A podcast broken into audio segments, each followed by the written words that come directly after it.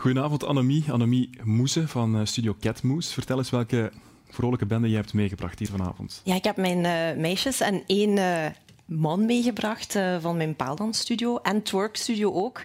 Want we doen meer dan alleen maar rond, rond paaldansen. Dus ik ben heel blij dat ze zo talrijk zijn. Um, we zijn met een zestigtal leden, waaronder dus één man. En um, ja, we dansen ongeveer acht uur per week paal en twee uur uh, twerken. Ja, waarom verdient de sport, het paaldansen, extra aandacht volgens jou? Oh, het heeft eigenlijk een heel fout, uh, fout imago uh, gehad de afgelopen jaren. Al moet ik wel zeggen dat dat de laatste tijd heel veel verbeterd is. In het begin kreeg ik nog van die heel flauwe opmerkingen van oh, oh wanneer komt gisteren rond mijn paaldansen? Maar dat is wel heel veel verbeterd. Mensen vragen nu in de plaats van um, ja, dan moet je toch wel heel sterk en lenig voor zijn. Hè. Dus ja. ik wil dat, um, ja, ik vond dat wel fijn om dat eens op tv te komen komen laten zien. We hebben ook een video van jou gekregen. Uh, we zien jou aan het werk. Uh, het ziet er ook als uh, topsport uit. Hè. Ik neem aan, pure armkracht. Dit, is, dit doet niet zomaar iedereen, denk nice. ik. Nice! ja, ik heb ook wel heel lang geturnd altijd. Um, en je moet er wel wat sterk en lenig voor zijn. Maar om te beginnen is dat echt niet nodig. Dat is een misvatting uh, um, dat, je, dat je al een bodybuilder of zo moet zijn om daaraan te beginnen. Um, je leert dat aldoende. En ja. de mensen die echt verder willen, meer trucjes willen leren, die gaan wel wat extra krachttraining doen of die stretchen thuis. Ja, ik wou net vragen, is dat een combinatie met bijvoorbeeld fitness, heel veel krachttraining om dit te kunnen doen? Ja, ja, als je echt zo die, die uh, moeilijke tricks wilt kunnen, dan is het best om ook nog wat extra bij te trainen. Maar vooral ook uh, als je blessurevrij wilt trainen, is het ook wel belangrijk uh, dat je niet eigenlijk elke maand naar de kinesist moet gaan. Dan is het toch wel belangrijk dat je ook af en toe wat krachttraining doet. Ja. Je zei er net al, één man is meegekomen. Ja. Maar zijn het voornamelijk vrouwen of zeg je van nee, iedereen is welkom en, en kan het ook wel? Het zijn voornamelijk vrouwen, al ja, mogen mannen. Mannen zijn ook zeker meer dan welkom. Um, ik denk dat daar ook nog een beetje zo uh, schroom, ja, schroom ja. zit. Mannen denken dat ze niet kunnen dansen. Nu, dansen is ook echt geen vereiste. Uh, ja, zoals je ziet in het filmpje, het was, uh, je, hebt, je hebt ook echt van die tricks waar je kracht voor nodig hebt. Dus dat kunnen mannen zeker doen. Ze moeten maar eens googlen op uh, men pole dancing. Dat is echt niet uh, ja, voor, uh, alleen maar voor vrouwen. Ja, mannen die het, of vrouwen die het willen proberen, waar moeten die zijn? bij Studio Catmoose. ik zit op Instagram at Studio Catmoose en op Facebook ook onder dezelfde naam. Oké, okay. met hoeveel zijn jullie in totaal? 60? een zestigtal, ja. ja. En groeit dat nu de laatste jaren of, of is het toch gestaag gebleven? Nee, nee, het, het groeit zeker. Um, alleen heb ik geen plek meer in mijn rooster voor nog meer les. Ja. Ik heb een kleine studio. Ik heb uh, plek voor maximaal acht man per les, omdat ik het, ik hou het heel graag vrij persoonlijk, dat ik iedereen goed kan uh, helpen. Dus uh, ja, het is, als ze willen, moeten ze op de wachtlijst gezet worden. Oké, okay, dat is eigenlijk goed nieuws voor jou. Heel goed nieuws, ja, okay. ja. en ook voor de sport. Hè. Inderdaad. Annemie, bedankt voor het gesprek en veel succes nog met het uh, en het werken. En u thuis, welkom bij TVL Sportcafé.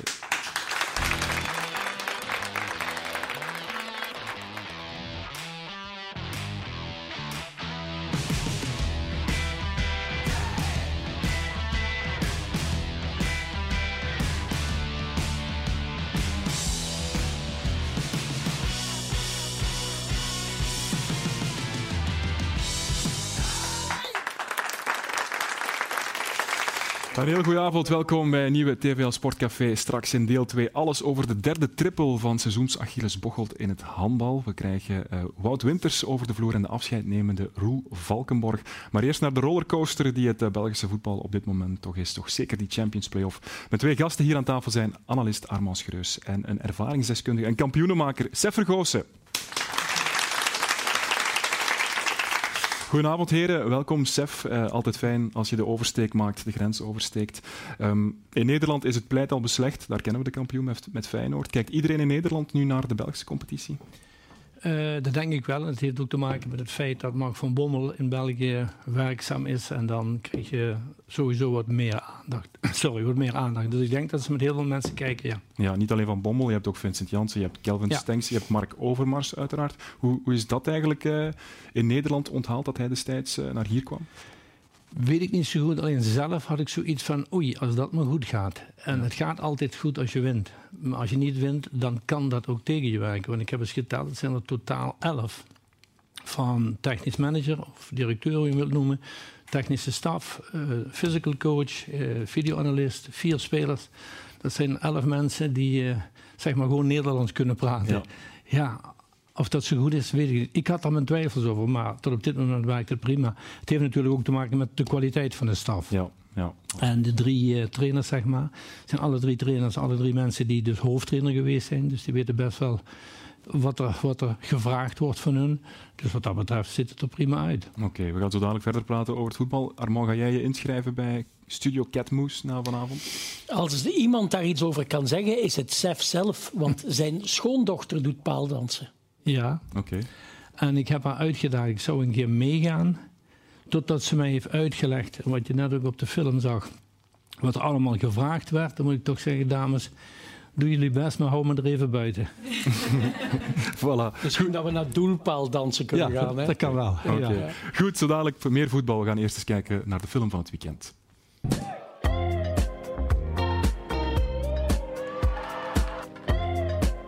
Ben enorm fier op de jongens. Ik denk wat ze hebben neergezet in de laatste maanden, dat dat toch wel petje af was. Ik denk uh, van een 14 op 48 naar een 27 op 33, dat is wel top, denk ik.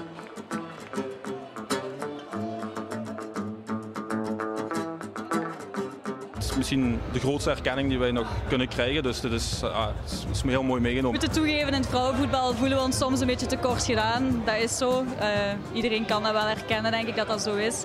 En dat dat groeien is en steeds beter, dat is voor ons wel ontzettend fijn. Ik heb mijn doel bereikt. Ik wil zo prijs als mijn rugnummer hebben, 14.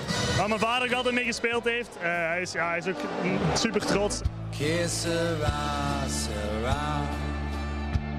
Whatever will be, will be.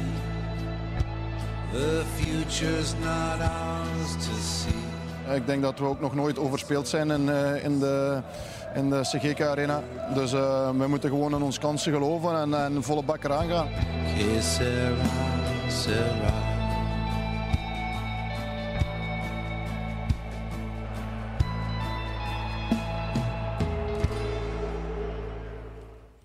Ja, Kesera Serra. Racing Genk doet weer helemaal mee met drie naar de eindmeet, om het in uh, koerstermen te zeggen.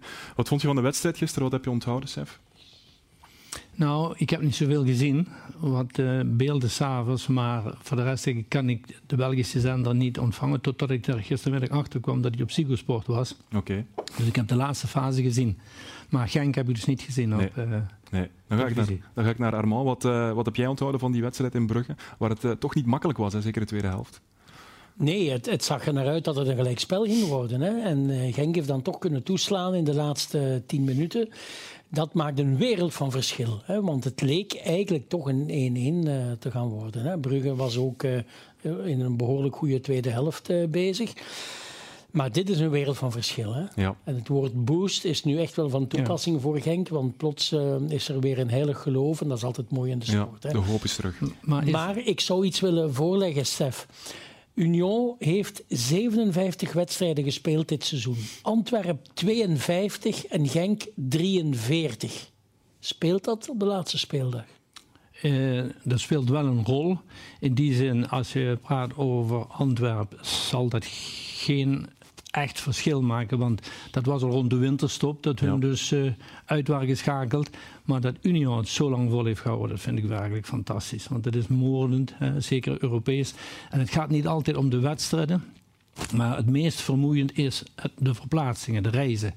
En ja, die hebben ze toch moeten, moeten maken. En daar vind ik het bijzonder knap dat Union nog zo fit is. Ja, je hebt enerzijds het gegeven van de hoop, hè, de vertrouwensboost die je krijgt, omdat je weer meedoet, meer meedoet dan vorige week. Maar het feit dat je gisteren misschien voor een keer geluk hebt, waar het uh, op andere wedstrijden of in andere wedstrijden niet zo is geweest, speelt dat een rol dat, dat spelers nu zoiets hebben van ja, het zit wel eens mee nu van, van vandaag? Ja.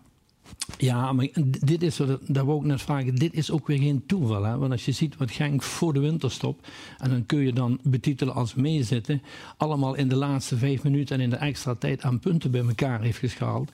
Dat is werkelijk fenomenaal. Mm -hmm. Ik denk dat ze vijf of zes wedstrijden in de laatste vijf minuten beslist hebben. En dat is ook geen toeval. Als dat één keer gebeurt, twee keer gebeurt, ja. Dus dat wat gisteren gebeurt, is toch iets wat in de, in de ploeg zit. Ook al lijkt het voor ons als buitenstaanders, als kijker, dit is gespeeld.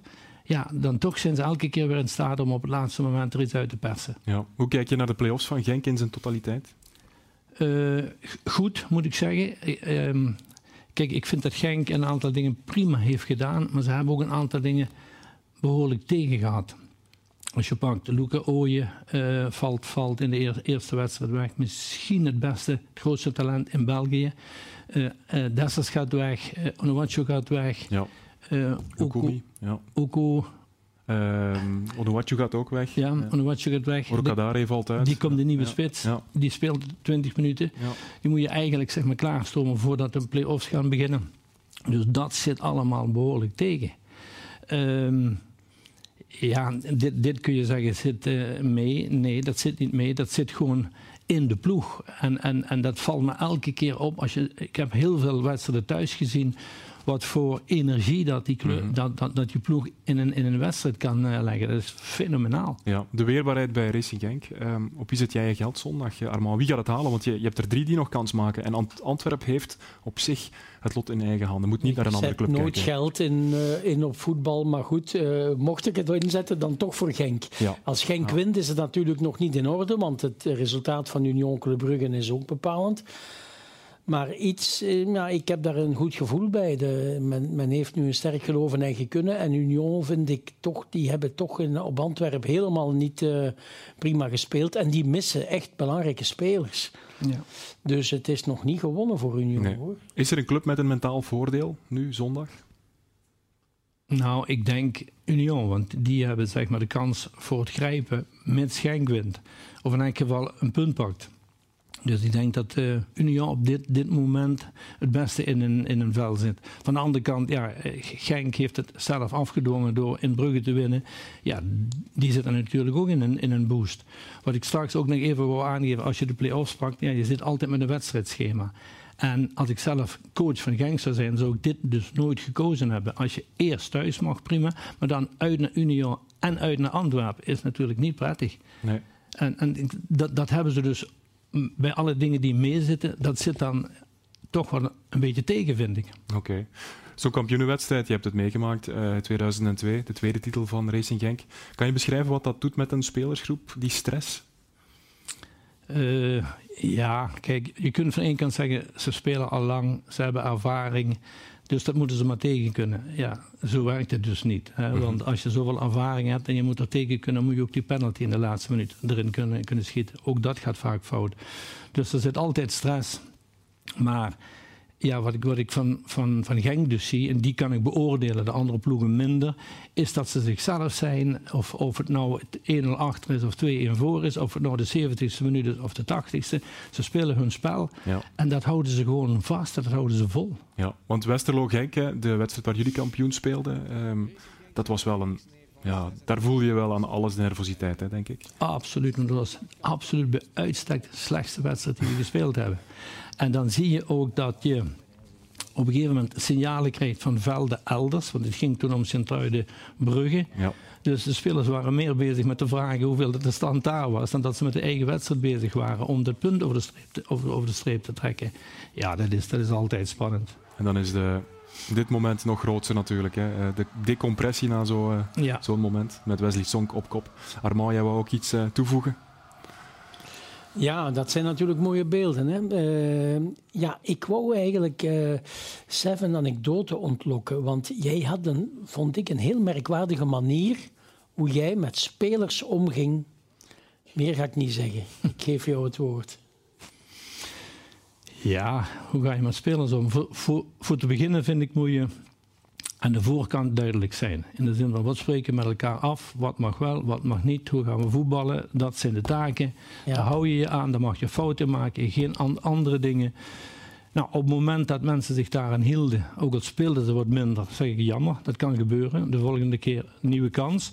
Maar op het moment dat mensen zich daar niet aan houden, dan grijp ik in en dan kan ik gemeen zijn. Dan zeg ik, afspraak is afspraak. Punt uit. Nou, dan, dan komt het verhaal van ja, hoe kwaad ben je en, en hoe uit je dat en hoe haal je dat weer naar je toe. Want daar gaat het altijd om. Je moet druk op spelers zetten, positieve druk. Je moet ook heel duidelijk maken wat, wat, wat verlang je van hun. En bespreek voor te beginnen de goede dingen. Maar haal ook naar voren wat mis is gegaan, wat fout is gegaan. Waarom dat het fout is gegaan en hoe we dat beter moeten doen. Nou, dus je mag hard zijn, gemeen zijn, maar er komt ook weer een moment dat je iemand naar je toe moet halen. Ja. Nou, wat ik heb geleerd is dat je niet te snel met iemand die je op zijn donder wil geven of wil corrigeren of uh, zeg maar de goede kant weer benaderen. Uh, wat je niet moet doen is in die, in die trainerskamer gaan zitten. Want dan zit je bij de baas op kantoor.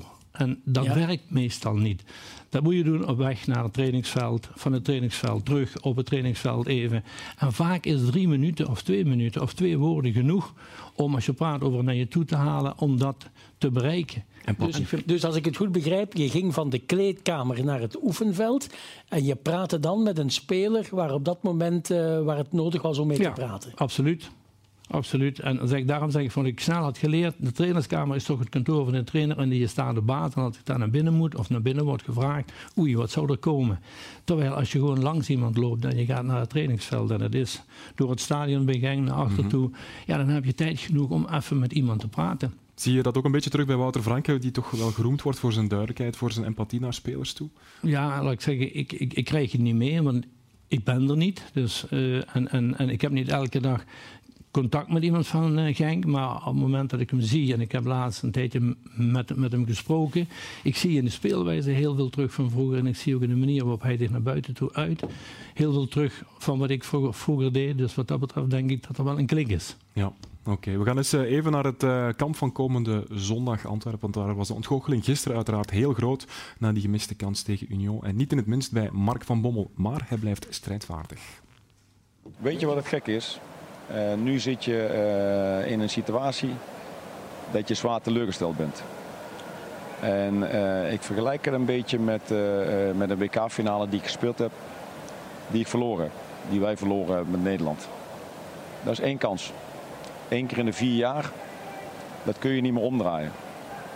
Maar wij staan nog steeds bovenaan. Volgende week heb je een tweede kans. Die kans is alleen een vele malen moeilijker dan vandaag. Ja, welke indruk maakt deze Mark van Bommel op jou nu gisteren na, na deze wedstrijd en, en wat hij zegt? Prima, rustig blijven. Geen, wat, wat hij zegt klopt gewoon. Hun hebben het in eigen hand. Als ze winnen, kampioen, klaar. Ja. Daar moet je ook met de groep over bezig zijn. Niet te lang blijven hangen in die wedstrijd. Ik kan me voorstellen dat dat, hè, gezien de euforie daar, het stadion en alles wat erachter staat, dat dat een hele grote kater is. Maar hij moet leiding geven en hij moet gewoon rustig overkomen en, en, en heel snel sturen naar wij staan er bovenaan. Als wij winnen, zijn we de kampioen, klaar. Ja, zo'n kleedkamer heeft hij nu veel oplapwerk, denk je, na gisteren? Dat zal uh, een paar dagen duren, denk ik. Absoluut. Want iedereen is er toch mee bezig geweest vanavond uh, feest in uh, de stad. Ja. ja. dat gaat dus niet door. En, en dan heb je wel even, even werk nodig. Ja. ja. Mark van Bommel een aanwinst voor het Belgisch voetbal, denk ik. Hè? Ja, kijk, uh, hij had natuurlijk als trainer nog niks gewonnen. Hij heeft nu de beker al gehaald.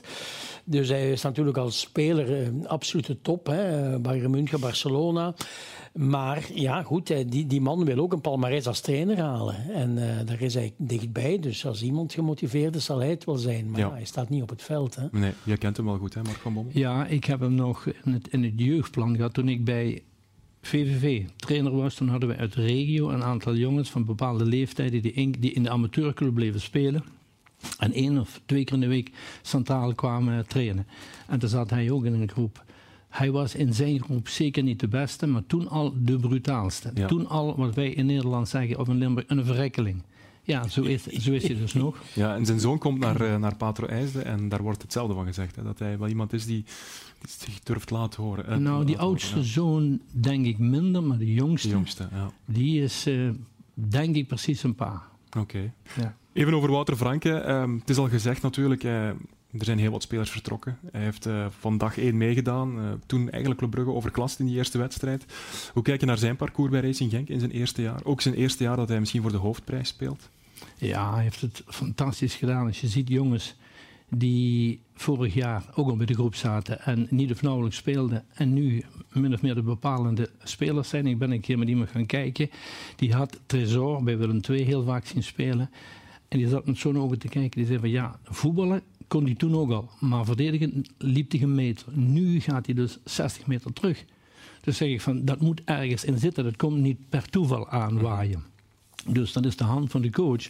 Maar als je een coach moet beoordelen, dan moet je gewoon kijken: is hij in staat om spelers beter te maken? En is hij in staat om vanuit een bepaalde speelwijze de spelers op de juiste plaats te zetten en die daar laten ontwikkelen? Nou, die dingen heeft uh, Wout allemaal gedaan, vind ik. Hij heeft verschrikkelijk grote stappen gemaakt met dit team. Mm Waar voor de competitie menig één toch zijn twijfels over had. Ja, vertrokken veel sterke ouders. Ja.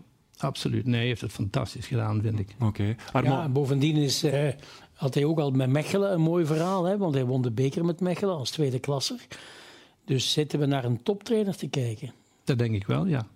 Ik denk dat hij ook vanaf het begin heel erg duidelijk is, is geweest. Kijk, op het moment dat die play-offs beginnen, dan weet je tegen wie je moet gaan voetballen. En dan heb je met name Union en Antwerpen hele vervelende tegenstanders. Die een totaal andere speelwijze, makkelijker dan wat Genk doet, hanteren.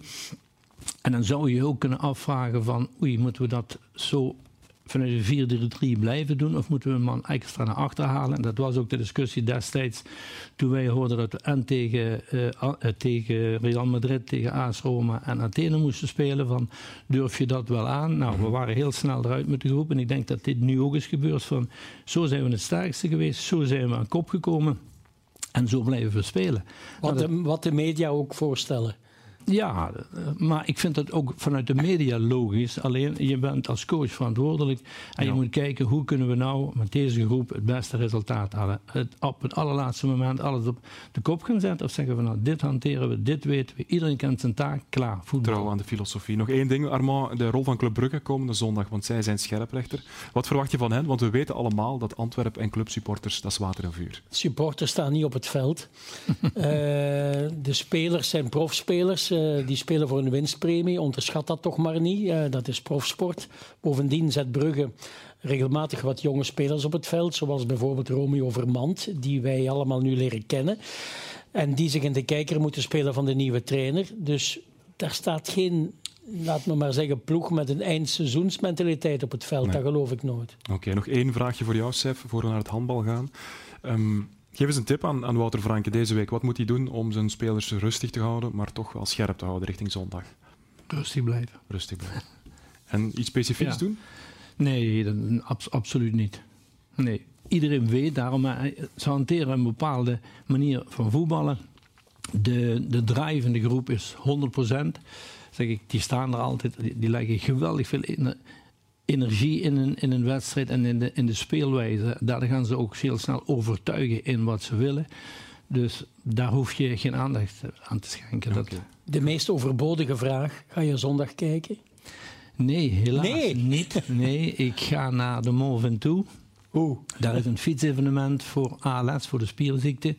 En ik ben uh, ambassadeur van dat evenement, dus ik kan daar niet wegblijven. Voor het goede doel, dan is het een vergeven, denk ik. Maar toen ik het Erik Gerrits gisteren meldde dat ik er niet zou zijn, toen zei hij van, mag ik soms jouw kaarten hebben? Want schijnbaar hebben ze plaatsgebrek. Ja, ja, het is helemaal uitverkocht. en terecht ook. Goed, zo dadelijk uh, nog even voetbal, maar eerst uh, de Wall of Fame.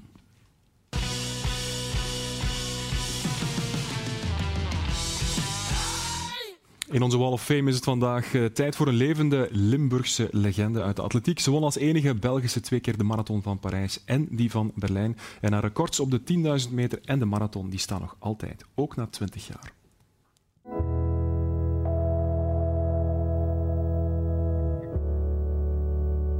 Ik ben eigenlijk stomweg beginnen te lopen. Ik heb wel zo vroeger op het school mee wedstrijdjes gedaan, maar toen deed ik helemaal niks. Uh, en ik heb dan, uh, ik en mijn broer hebben het gedanst. Eigenlijk hele familie danste. En uh, die moesten een heel zware operatie ondergaan. En ja, ik kon niet verder zonder partner. Dus ik heb dat via een familie van Betty van Steenbroek, heb ik, ja, die hebben mij eigenlijk aan het lopen gezet. Van, ga eens lopen, je kunt goed lopen. En ja, toen ben ik beginnen te trainen en wedstrijden te lopen. Ik mocht toen die periode eigenlijk niet lopen van een dokter, want ik had een heel zwaar kwetsuur. Dus ik had niet kunnen trainen en ik mocht eigenlijk ook niet lopen. En ik ben toch gegaan en ik had toen eigenlijk ja, een, een bronzen medaille en eigenlijk een, een goede tijd. Dus uh, ja, ik weet dat mijn papa nog in het stadion zat en uh, ik had eigenlijk altijd veel stress en ik vertrok.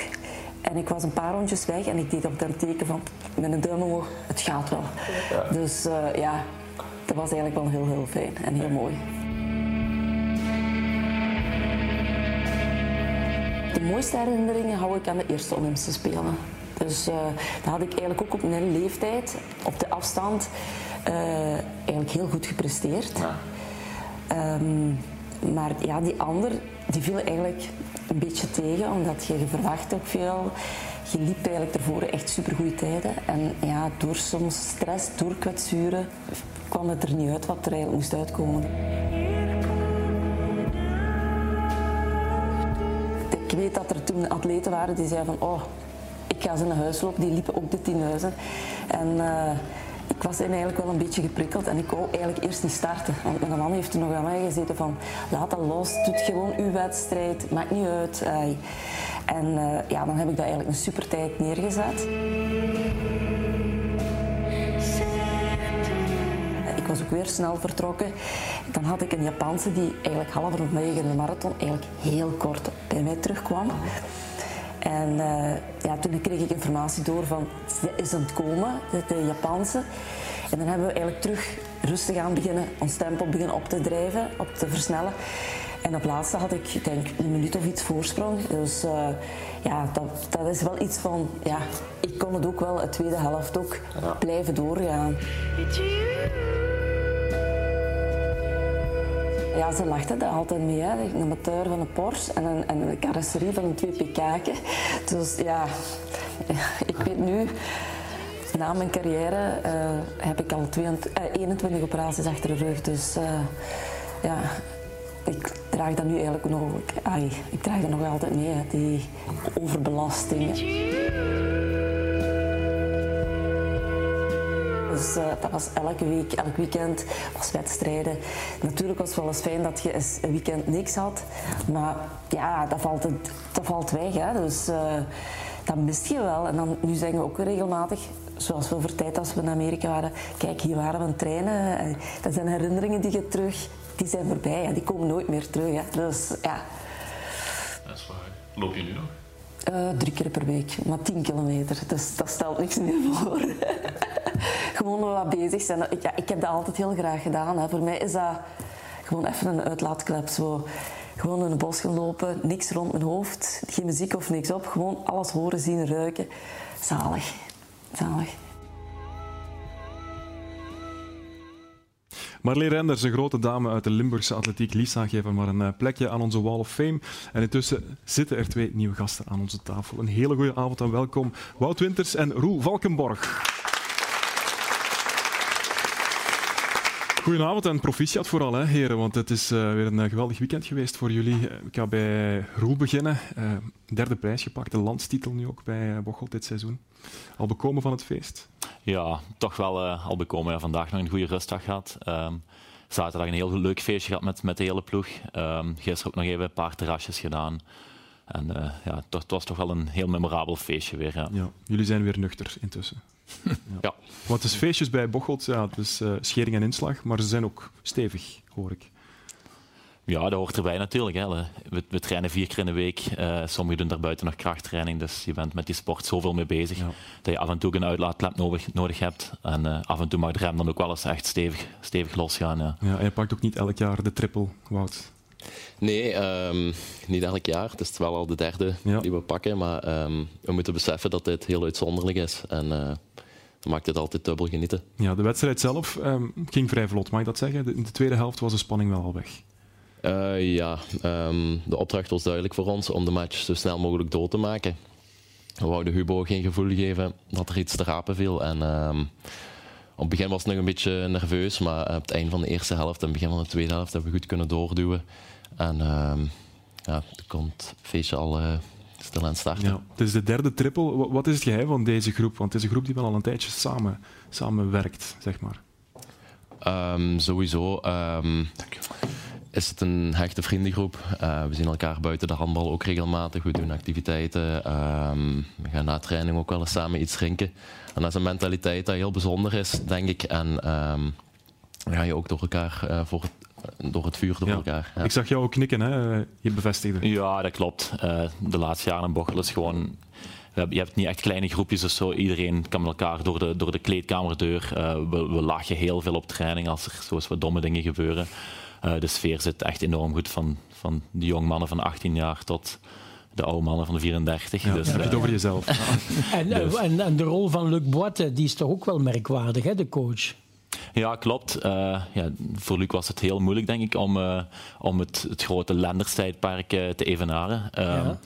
ja, Bart heeft schitterend werk geleverd met Bocholt. Ehm, en voor Luc ehm, was een andere manier van coaching. Eh, was in het begin even wennen, want in het begin dacht hij van, oh, de eerste wedstrijden ging het niet zo vlot als, als, als vroeger. Eh, maar we hebben ons daarna terug goed herpakt. En ehm, ja, als je dan in het eerste seizoen bij Bocholt als trainer meteen drie prijzen kan pakken, dan kan het niet beter natuurlijk. Hè? Ja. In, bij aanvang van het seizoen, hoe kijken jullie daar zelf naar? Naar die overgang van, van Lenders naar, naar Boite? Ook in de zin van, ja, Lenders is een heel ander type dan, dan Boite. Het is een, het is een stijlbreuk, hè? dat mogen we wel zeggen, Wout. Eh, ja, het is eh, sowieso iets heel anders. Ehm, het zijn ook twee heel verschillende types. Ik denk dat Bart fantastisch werk heeft geleverd in Bocholt. Als er dan een nieuwe wind komt, ehm, dan geeft dat altijd wel weer een nieuwe boost. ehm, na zoveel jaren. En ik denk dat Luc dat fantastisch heeft gedaan. Ehm, alle neuzen meteen in dezelfde richting gekregen. En de klik was er meteen. En eh, met succes tot gevolg. Ja. Ja, ik kan alleen maar de woorden van Wout herhalen. Ja. Luc eh, ja, heeft, heeft echt schitterend werk, werk geleverd. Ehm, maar ook wel, we hebben een heel ervaren ploeg. We hebben een ploeg eh, waar eigenlijk niemand ehm, langs, de, langs de kant loopt. eh, waar eigenlijk iedereen met, de voetjes op de grond blijft staan. Die, die hard traint, die Ja. gedreven is, die, die het spelletje heel graag speelt. En eh, dan is het misschien wel heel gemakkelijk om zo'n groep te krijgen. Eh, maar je moet het nog altijd met doen Ja. natuurlijk. Ook een groep die na al die jaren misschien zichzelf een beetje corrigeert als het nodig is. Dat denk ik wel, ja. Ehm, ja we, de laatste jaren hebben we ook heel weinig spelers moeten inpassen, telkens maar één of twee per seizoen. Dus dat scheelt eigenlijk ook wel heel veel. Ehm, met, er zit een bepaalde tosfortmentaliteit in Bocholt.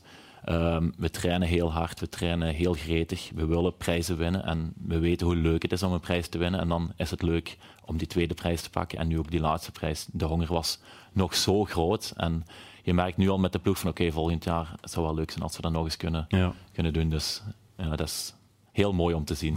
Limburg eh, betekent veel in zaken handbal. Hè? Je hebt eh, Bocholt, je hebt eh, de oude glorie, zal ik maar zeggen, Hasselt, eh, Neerpelt, eh, Tongeren. Nederlands-Limburg betekent ook wat in handbal. En wie gaat daar kijken naar handbal? Naar de Lions. Nou, om dit verhaal wat ik net hoorde, dat breng ik wel over. Hè. Dan ga ik wel vertellen dat jullie weer voor de drie prijzen gaan. Dat mag, dat mag. Dus kunnen hun beter thuis blijven. Dat zou ook mooi zijn. Hè? Ze hebben een quizvraagje misschien, als je het een beetje volgt. Van de laatste 20 prijzen in België, hoeveel heeft Achilles Bocholt er gepakt van de 20? Gok eens. Eh 21. nee, Weten jullie het? 14. Bijna. Ik weet het, ja. Tom had het mij al verteld. Ja, dat is ontzettend. 15. 15. Ja. Dat is eh, straf, hè? Ja. Fantastisch. Hey, hoe Begint het niet een beetje... Ja, saai is misschien een verkeerd woord, want jullie winnen, dan is het nooit saai, denk ik. Maar het is wat eentonig aan het worden. Ehm, ja, ik, ik begrijp dat het voor de neutrale toeschouwer misschien iets minder interessant is, maar ehm, voor onze speler uiteraard niet. Eh, vorig jaar hadden we enkel de beker van België gewonnen. De Benelux finale verloren we, ehm, de titelfinale verloren met penalties. En ja, je bent verwend, dus dat komt dan wel aan. Ja. En dat maakte wel dat we dit seizoen extra gemotiveerd waren om gewoon terug alle drie de prijzen naar Bochel te halen. Ja, want we waren daar straks ook aan het vergelijken. Eigenlijk maakten we de vergelijking met Roeselaar in het eh, volleybal. Maar er zijn ook parallellen. Hè? Eh, de stabiliteit bij de club, weinig verloop eh, in de spelersgroep. Is dat ook een beetje het succes? Het geheim achter het succes? Ja, dat is, dat is logisch. Hè. Als je heel weinig spelers moet inpassen, kan je vanaf de eerste wedstrijd van het seizoen meteen dezelfde automatisme en dezelfde schwung geven. Ehm, en als je heel veel spelers moet inpassen, je weet nooit natuurlijk hoe die spelers buitenuit zijn en wat voor karakters dat je binnenhaalt. Eh, je weet nu, je hebt een ploeg die heel hard traint. Je hebt zachtaardige, leuke karakters die goed met elkaar omgaan. Ja. En die willen trainen. En dat is een hele mooie mix, een hele mooie combinatie om, om prijzen te pakken. Ja. Oké, daar mag je wel nog iets zeggen? Ja, eh, ook in het handbal is het mogelijk om naar het buitenland te trekken, naar de topcompetities. Ik kijk nu Wout recht in de ogen. En? Ja, Roel is 35, eh, dus hij ik stopt kijk ook. Wout in de jeugd. ogen. Ehm goede vraag. Ehm, het is sowieso inderdaad eh, de laatste jaren meer en meer de trend aan het worden, gelukkig voor het handbal in België, om eh, de stap naar het buitenland te maken. Ehm ik zelf word nu 29. Ik heb net een huis gebouwd, dus eh, voor mij zal die stap wellicht niet meer ehm, gaan komen. Als ik die stap ehm, had kunnen maken tien jaar geleden, dan zou ik het misschien overwegen. Maar goed, dus het als-als verhaal. Ehm, maar ik denk dat het wel heel goed is voor het handbal dat er eh, steeds meer jongeren die stap maken. En je ziet het ook. België heeft uh, meegedaan aan het WK Mhm. voor de allereerste keer. En uh, siert de sport natuurlijk. Ik Ja. merk dat de Nederlanders sneller naar het buitenland trekken. Ja, absoluut. Ja. Ja, klopt. Ehm, Nederland is eh, nog een stapje verder. Daar ehm, zetten ze nog sneller de stap. En er zijn ook echt wel jongens bij die ehm, bij Europese topclubs spelen. En eh, dat zie je ook terug in de resultaten op de grote toernooien. Zij, ze, ze hebben ook echt een rol daar en ze geraken ook wel eh, redelijk ver elke keer. Heb jij de aanbieding ooit gehad vanuit het buitenland? Ik heb ooit wel eh, twee aanbiedingen gehad, maar dat was ja, in mijn jonge tijd, zal ik zeggen. We hadden alleen Bram de Wit, Ja. eh, de grote man van Hasselt in de tijd, die, eh, die naar uit het buitenland is geweest. Ehm, dus we hadden nog, ook nog niet echt de, de voorbeelden zoals er nu rondlopen. Nu heb je bij Holland heb je, ja, Kai Smits, heb je Luc Steins. Ik snap als jonge handballertjes dat je daar heel hard naar opkijkt. Ehm, dus in mijn tijd was het misschien ja, veel Dus meer- vandaag zou je het misschien wel overwegen. Misschien wel, omdat er nu ook ja, veel meer Belgen de stap hebben gezet en je weet dat het niet meer zo'n grote drempel is. Ehm, maar ik denk ook met sociale media en met Facebook en alles wat er rondhangt, dat het, ja, het, het, het lijkt niet meer het, ver, het verre verhaal zo. Het is, eh, ja, de contacten zijn heel, heel nauw geworden. Je, als je een manager, je kan meteen drie, vier ploegen bij wijze van spreken uitkiezen momenteel. En de Belgen en de Hollanders zijn momenteel wel, Mhm. ik denk, vrij gegeerd op de Europese markten. Het buitenlandavontuur gaat er niet meer komen, want je neemt afscheid. Ehm, het was ook emotioneel, hè? afgelopen zaterdag, weten dat het jouw laatste Ja. wedstrijd was. Ja, het was heel emotioneel. Eh, de laatste tien jaar heb ik altijd met heel veel plezier eh, de kleuren van. Dit zijn de, de beelden van zaterdag. Er kwamen ook tranen. Ja. Bij deze ga ik ook de Kleenex eh, klaarleggen. Voor, dank je, dank je, dank je. Die zullen vandaag niet meer nodig zijn. Ja, dat zijn supermooie beelden natuurlijk. Hè. Maar dit seizoen hebben we het een paar keer gezien bij jou. Hè? Ook omdat je wellicht besefte van ja, ik ben bezig aan mijn afscheidstournee. Ja. Ja, ehm, ja, ik krijg het nu nog altijd moeilijk. Voilà, de Kleenex dus- is toch op zijn plaats. Ja, ja. Nee, nee. Maar het is, eh, ja, een, het is eigenlijk mijn hele leven geweest, handbal. Dus eh, de laatste tien jaar altijd bij Bokkert gespeeld, daarvoor bepaald. Je bent zoveel met het spelletje bezig, vier keer trainen. Elk weekend ja, wedstrijd. Dus sommige jongens zie je meer als je eigen familie. Die zie je gewoon vijf keer in de week. En sommige familieleden misschien één of twee keer in de week of, of één keer in de maand. Dus het is ook een hechte vriendengroep. En als je zoveel hebt meegemaakt, dan is het toch echt emotioneel. En ehm, ja, ik kan alleen maar de club bedanken en de supporters en iedereen die het, die het hele verhaal mooi heeft gemaakt. Dus. We gaan eens luisteren naar eh, wat mensen bij Bocholt over jou. Wij eh, komen heel goed overeen, het accordeert heel goed. En ik denk volgend jaar met Roel als T2 ja, een heel mooi verlengstuk. Jullie geven hem een fantastisch afscheid. Ja, ja, ik denk dat hij blij is met zijn drie prijzen. Denk ik wel. Eh, mooier kan het niet zijn voor hem. Eh, hij is heel emotioneel, begrijp ik. Hij heeft geweldig veel geleverd hier in deze club. Hele mooie prijzen gehaald. En dan is het meer als verdiend dat hij op die manier afscheid kan nemen. Ja, dat is een legende, hè. Dat is een levende legende voor mij. Ik heb heel veel van hem geleerd. Ik ben super vereerd dat ik met hem mogen samenspelen. Maar gelukkig verdient hij niet zijn ploeg. Eh, en hij blijft, hij blijft T, 2 Dus eh, ik heb hem nog altijd dichtbij me waar ik heel erg blij om ben. Ja, je wordt T2, ook bij de U18 ga je, ga je Ja. samenwerken. Wout, ehm, is hij een eh, goede trainer in SP, een hoofdtrainer van Bocholt misschien in de toekomst? Ja, ik denk het wel. Ehm je kent het spelletje al zo lang natuurlijk. Heeft het zelf op het allerhoogste niveau gespeeld. En ook zijn overgang eh, naar andere jongens toe, ook in de groep. Het was echt wel ehm, een, eh, een grote leider op en naast het veld. Ehm, een mentor voor de jeugd. En eh, het is alleen maar goed dat je dat nu verder gaat overbrengen op de J18. Ja, Roel, is dat ook de ambitie om hoofdtrainer te worden, hoofdcoach? Eh, die ambitie is er zeker wel. Ja. Ja. dus eh, ik ben heel blij dat Bokkert ook de kans geeft om eh hem ook eerst te profileren bij de J18. Dus eh, daar, die mannen zijn dit weekend ook Belgisch kampioen geworden. Dus eh, het zal moeilijk zijn om die mannen nog, ja, nog een titel bij wijze van spreken te geven. Maar eh, ik denk dat- de bedoeling wel van Bokkert is om, je hebt eigenlijk talent. Ehm, jonge mannen, ehm, je hebt een eerste ploeg die op het hoogste niveau speelt. Dus de bedoeling gaat zijn om die mannen echt zoveel mogelijk met de eerste ploeg te laten meetrainen, van het, van het niveau te laten proeven en dat ze weten waar ze heen moeten gaan. Ja. ja. Nog één vraagje voor jou, voor we opnieuw naar het voetbal gaan. De concurrentie volgend jaar, hoe kijk je daar naar? Je hebt eh, de fusie Hubo Handbal, dat is eigenlijk een duivelspact tegen Bocholt een beetje. Je hebt eh, natuurlijk Sporting Pelt dat zich profileert, ook met Corneel Doeven als coach. Ehm, wordt het weer spannend volgend seizoen? Ja, natuurlijk. Ik denk het wel. Ehm, je hebt enerzijds Hubo die, ehm, die uh, groeiende zijn. Je merkt dit seizoen ook de evolutie die ze gemaakt hebben. Een heel moeilijke binnenleague achter de rug. En uiteindelijk zich toch kunnen kwalificeren voor de play-off finale. Dus die club is groeiende. En dan heb je natuurlijk um, Sporting Pelt. Die ook stil en opgestaan zijn. Ze hebben zich al verschillende keren kunnen kwalificeren voor finales. Alleen de prijs ontbreekt voor hun. En zo gaat elk jaar uh, ons het vuur in de schenen gelegd worden. En we mogen natuurlijk ook niet uh, vergeten. Zij zijn ook gewoon elk jaar heel sterk en we gaan ervoor moeten knokken, zoals elk jaar. Oké, goed. Zodanig praten we verder. Het is tijd om terug te keren naar het voetbal.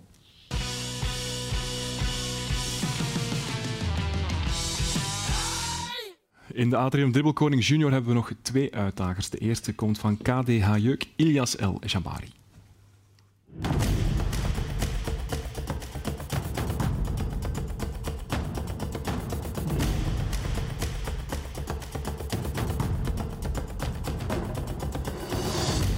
Ilias El-Jabari, 12 jaar.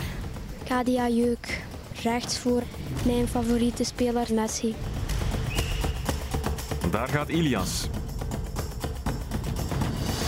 De ladder gaat vlot. Nu de volley. Met het nodige geluk min 10 seconden. De kegels. Die blijven allemaal staan, geen tijdswinst. Nu de ton. In drie pogingen. De slalom. En dan de darts. 2. Dubbel 16. En dubbel 8 is 50 gedeeld door 5 is min 10 seconden. Drie keer schieten zonder de grond te raken.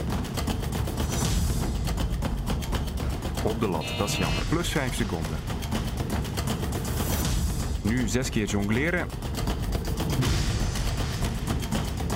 Dat gaat vlot. Laatste schietopdracht. Binnen. En nog eens binnen, min 20 seconden. De tunnel. En nu finishen in 1.52 rond. Daar gaan 35 seconden vanaf. De eindtijd voor Ilias El Jabari van KDH Jeuk is 1.17.00. Goed, Ilias, tevreden? Een beetje. Bij de kegels en bij het tweede was het niet zo goed. Maar je maakt wel heel veel eh, punten goed op andere onderdelen, denk ik. Ja. Twee ballen in doel gejaagd, dat hebben we ook nog niet gezien. Mhm. Dus wat denk je? Uh, ik, kan niet, ik weet niet of ik eerste ga worden. Maar wel goed. Waar hoop je te eindigen? Ik hoop eerste plaats. Ilias El Jabari, 1.17.00. Hij is ontgoocheld, want vorig jaar werd hij derde en nu wordt hij achttiende. Maar geef hem toch een uh, applaus. Verdienstelijke poging. En we gaan zien wie de laatste uitdager wordt. Lisa, jij hebt nog één naam in die beker zitten. Wout, in principe zit er nog één naam en je mag hem eruit halen en hem uh, luid op voorlezen. Dan weten we wie de laatste uitdager wordt in de Triple Junior. Mathies Telens. Oké, okay, en waar speelt hij? Uh, bij Heers VV. Heers VV, dat is de laatste die aan bod komt. Roel, wat ga jij volgende zondag doen rond de klok van half zeven? Wat, wat doe jij dan? Kom. Dan is het uh, voetbal zeker, denk ik. Ja. dan uh, ga ik ergens heel rustig die match kijken en ja, genieten. Dus, okay, denk want... aan tien uur op de markt zijn, hè?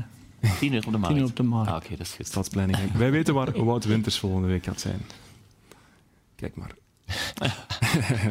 Dit is van, wanneer was het? 2000 en... 2019? Hè? Uh, ja, de vorige, de vorige landstitel inderdaad. Ja. Is dat uh, stadionverbod al uh, verlopen intussen? um, nee. ga je vaak kijken? ik ga af en toe kijken. Natuurlijk niet eenvoudig met de handel te combineren. maar als de wedstrijden op zondag zijn, dan ga ik regelmatig kijken. Ja. nu zondag ook. Ja, ah, oké. Je bent een echte diehard Racing Gang supporter. Als je daar zo gaat staan, wel. Hè? Ja, ja absoluut. absoluut. Oké. Jij dus niet, Sef? Jij gaat fietsen? Ja. Voor het goede doel, dus dat is, dat is jou vergeven. Europees, daar wil ik nog één vraagje over stellen, want jullie gaan Europa weer in. Ja, klopt. En welke competitie is dat dan precies? Uh, dat is de Challenge Cup. Dat is eigenlijk de derde Europese competitie, een beetje vergelijkbaar met de Conference League in het voetbal. Um, eigenlijk een hele mooie competitie die um, voor Belgische ploegen wel mogelijkheden biedt om uh, hopelijk ver te geraken. Um, dus we gaan kijken wat we daar kunnen doen. Een Europese prijs. Je hebt er al zoveel in, in het binnenland en in de Benelux.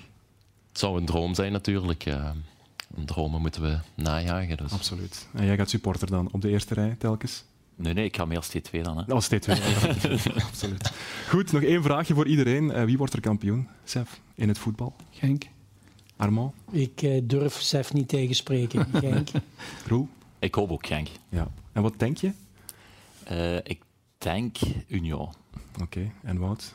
Genk. Racing Genk, voilà. We zijn uh, helemaal rond, heren. Ik ga jullie allemaal bedanken. Ook uh, de dames en de heer van uh, Catmoose, Studio Catmoose, dat was het.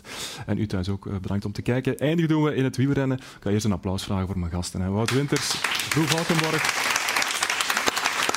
Armand Schreus en Sef Vergoosen. Eindigen doen we in het wielrennen, want op het BK bij de junioren waren de Limburgers gisteren in uitstekende doen. Jarno Wiedar uit Welle die werd Belgisch kampioen. Tweede werd Niels Driessen uit Nieuwerkerken.